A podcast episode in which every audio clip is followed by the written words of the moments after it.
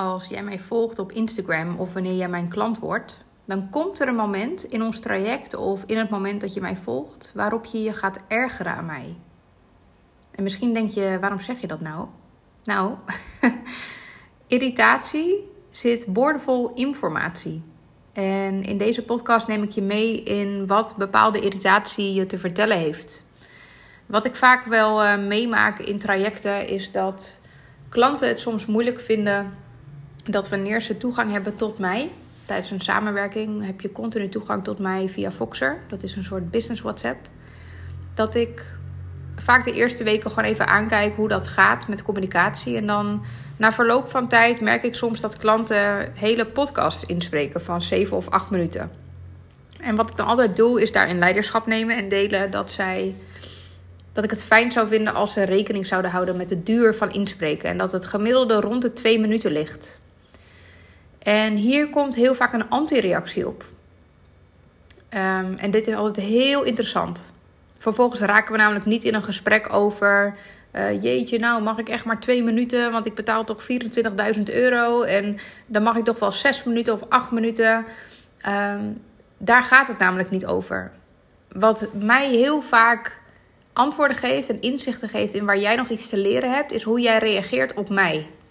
En in dit geval gaat het voor mij, die twee minuten gaat over begrenzing. Het gaat over dat ik mag begrenzen richting mijn klant en mag zeggen: uh, neem leiderschap over je proces.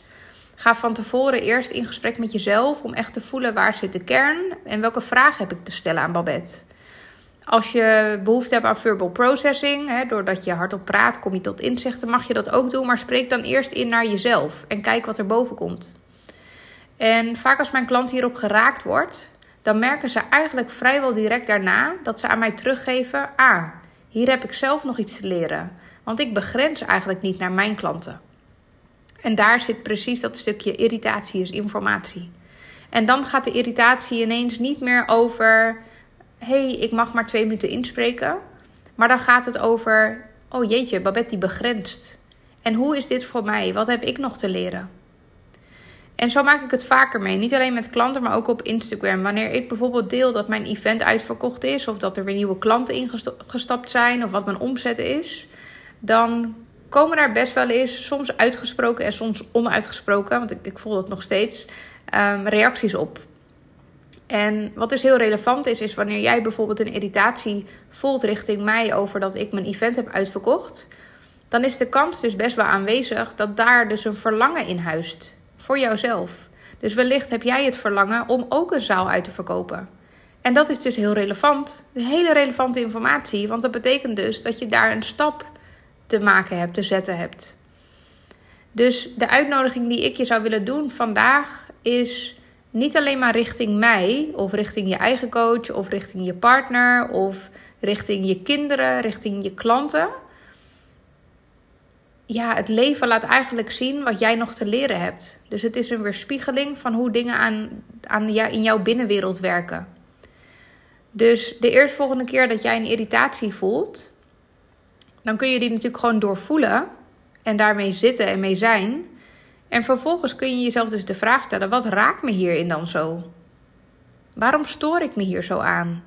En wat zegt dat over mij? Heb ik daar misschien nog iets te leren? En ook wel een mooi moment om even met de billen bloot te gaan. Want ik heb dat zelf natuurlijk ook. ik bedoel, ik ben coach, maar ik ben ook vooral mens. Dus um, uh, maak jezelf niet wijs dat ik het allemaal op orde heb in mijn leven. Want dat heeft niemand. Ik word ook regelmatig geraakt door mijn eigen coaches. Of door uh, mensen om me heen in privésfeer of in werksfeer. Die... Nou, een van de laatste keren kan ik me heel goed herinneren. Um, toen zag ik voor mijn gevoel op een event mensen allemaal zwemmen. Als in dat ik dacht, nou, die worden echt aan een lot overgelaten. Er is hier zoveel te voelen. Er is hier zoveel te bespreken. En niemand schiet te hulp. En ik heb degene die toen verantwoordelijk was voor die dag, heb ik echt daar, ja, daarop aangesproken. Dat ik ook zei, ja, ik zie dit gewoon gebeuren. En ik vind dit gewoon not. Weet je, als dit mijn event was geweest, dan had ik echt ingecheckt bij die mensen. Om te voelen van, hoe gaat het? Wat heb je nodig om oké naar huis te gaan bijvoorbeeld? En op dat moment voelde ik ook heel duidelijk: dit zegt alles over mij. Want ik zie mensen zwemmen, waar een ander ziet dat ze gewoon aan het processen zijn. En waar ik mensen wil redden en wil vragen van heb je nog wat nodig? Ga je oké naar huis? Zal een ander denken, jij mag leiderschap nemen. Als jij iets nodig hebt, dan kom je naar mij toe. Dus voor mij is dit ook een hele mooie les nog steeds. Ik leer nog steeds elke dag opnieuw om bijvoorbeeld dus niet, niet iedereen te hoeven redden. En een irritatie die ik dus vaak heb, die gaat dus daarover dat ik vind dat mensen niet genoeg gedragen worden. En dat is dus ook iets wat in mijn trajecten heel belangrijk is, wat ik heel belangrijk maak, is dat mensen zich gedragen voelen en 100% gezien voelen. Een van mijn klanten die zei vorige week tegen mij, uh, of afgelopen week op het event, de reden dat ik bij jou zo gegroeid ben in uh, dat jaar samenwerken, dat kwam natuurlijk door werken op de onderstroom, zei ze, want dat wil ik niet uitsluiten. Uh, heeft heel veel gedaan. Maar ze zei: De grootste reden dat ik echt gegroeid ben, is omdat jij mij onvoorwaardelijk en voor 100% hebt gezien. Ik kon compleet mezelf zijn, altijd. Ik voelde me nooit veroordeeld. Je vindt nooit iets gek, je vindt nooit iets raar. En het enige wat jij deed was luisteren, beschikbaar zijn en spiegelen. En teruggeven wat je zag. En ik vond dat zo mooi, want dit is dus een van mijn krachten. En tegelijkertijd dus voor mij ook soms een uitnodiging om, ja, om het ook eens op een andere manier te mogen doen of ervaren. Dus ik zou zeggen, als je één ding meeneemt uit deze podcast, laat het dan zijn dat wanneer jij je irriteert, dat er ergens onder irritatie heel, echt hele waardevolle informatie zit. En zodra dat gebeurt, mag je jezelf dus de vraag stellen: waar gaat dit nu echt over?